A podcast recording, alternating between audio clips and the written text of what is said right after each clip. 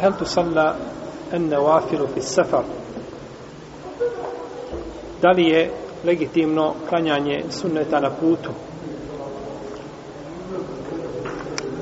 Islamski učenjaci a gledajući na predaje koje se navode po ome pitanju podijelili se na pet različitih mišljenja. Jer postoje znači hadisi koji se može zaključiti jedno i može se zaključiti drugo prvo mišljenje da je zabranjeno klanjati na file na putu općenito. I to dokazuju hadisom Ibn Omara u kome kaže bio sam sa poslanikom sallallahu alaihi wasallam na putu pa nije klanjao ništa od nafila. A uzvišeni Allah kaže laqad kana lakum fi rasulillahi uswatun hasana. Vi u vašem poslaniku zaista imate najlepši primjer. Pa tako da po ovome mišljenju i dokazivajući predajom Ibn Omara nije legitimno da se klanja bilo šta od na fila na putu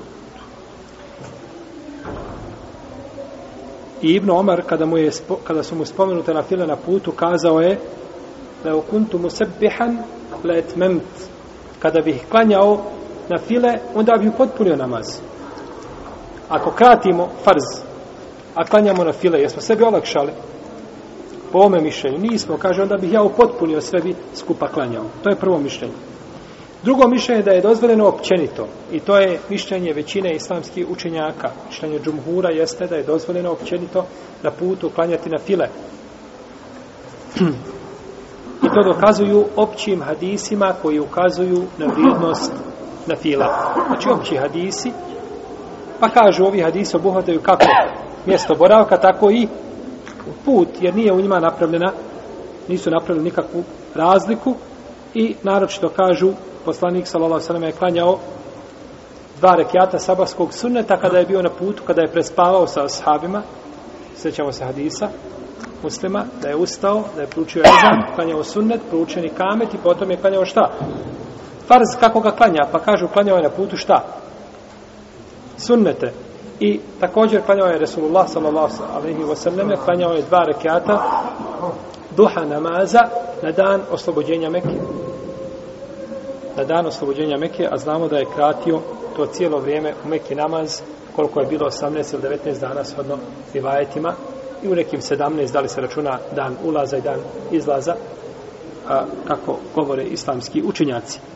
Treće mišljenje, da je dozvoljeno klanjati na file općenito, a da se ne trebaju uklanjati a, na file ili sunneti koji su vezani za obavezne namaze, stalni sunneti, kao što su znači prije podne, četiri posle podne, dva posle akšama, dva posle jacije, dva, kažu ti pritvrđeni ili sunneti ili nepritvrđeni koji su vezani znači za namaze, oni se ne trebaju klanjati.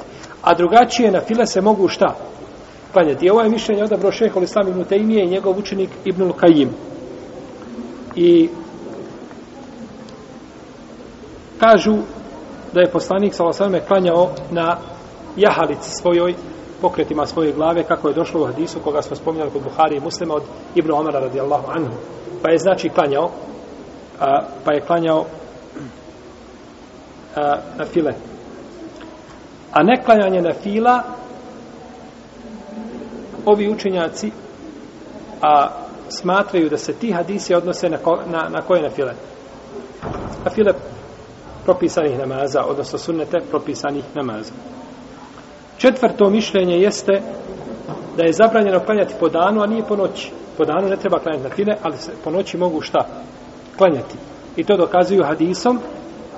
Abdullaha ibn Amira kaže, bio je moj babo sa poslanikom, sa osaleme na putu, pa je klanjao po noći, a nije klanjao, a nije klanjao po danu. i klanjao bi, kaže, kod god se jahalica okrenula. Klanjao bi kod god se jahalica okrenula. Isto tako kažu, poslanik sallallahu sallam je klanjao vitr na putu i u mjestu boravka. A vitr se klanja kada? Po noći ili po danu? Po noći. No, međutim, ovome više ne ide u prilog šta? Duha namaz. Duha namaz. Kazali smo da je poslanik sa osaleme na danas pobođenja Mekke klanjao dva rekiata čega? Duha, ne. duha namaza. A ovi kažu ne može se klanjati na fila osim po noći. Pa im ne ide ovaj hadis, znači, ili ovaj, a, ovaj, a, ova predaja je, znači, oprečna ovome, oprečna je ovome mišljenju. I peto mišljenje je da je dozvoljeno klanjati prije farza na file, a da nije dozvoljeno klanjati posle farza. Znači, prije farza se može klanjati, ali se ne može klanjati kada? Posle farza. I kaže Hafil ibn Hajar al-Askalani u svome dijelu Fethul Bari da je ovo mišljenje imama Buharije. To je zaključio iz nekih poglavlja koje je naslovio imam Buharija. Znači da je rekao da se može klanjati kada? Prije namaza, a da se ne može klanjati poslije, jer kažu jednostavno, ako se klanja prije namaza, uvijek ima između farza i, a, i sunneta ima šta? Ima kamet, tako da se odvoji. A posle farza se može nešto što nije od farza prikalamiti, da se smatra da je od farza, da je od farza. No, međutim, isto tako možemo kazati, posle farza ima zikr. Pa se zikrom odvaja, kako je poslanik sa osram zikrom odvajao, farz od sunneta, tako da imam Buharija zabilježio te hadise, tako da ovaj ni ovo mišljenje znači ne bi bilo jako. Autor nije ništa govorio ovdje po pitanju odabranijeg mišljenja, I ovi učenjaci još kažu, odnosno imam Buharija koji zastupa, e, dokaz bi mu bio da je klanjao poslanik sa osaleme šta? Prije sabaha dva rekiata. A nije klanjao poslije, recimo, podne. Pa bi to bio argument. Međutim, kažemo, ima isto tako zikr posle farza koji je odvajen. Vidimo da je Džumhur Uleme dozvolio da se klanjaju na file, ali zaista mišljenje Ibn Tejmi i Ibn Kajima obuhvataju sve argumente.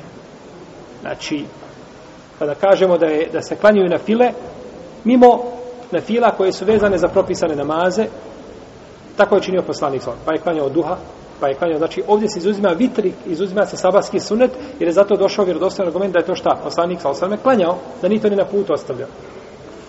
Pa je dozvoljeno klanjati istiharu, duha, noći namaz, sunenu vodu, tehijetul mesri, znači od nafila i op, opće one nafile, opće nafile koje želi čovjek da klanja, može znači klanjati koliko želi, ali neće, ali neće klanjati nafile koje su vezane za šta? Za propisane ili za farz namaz.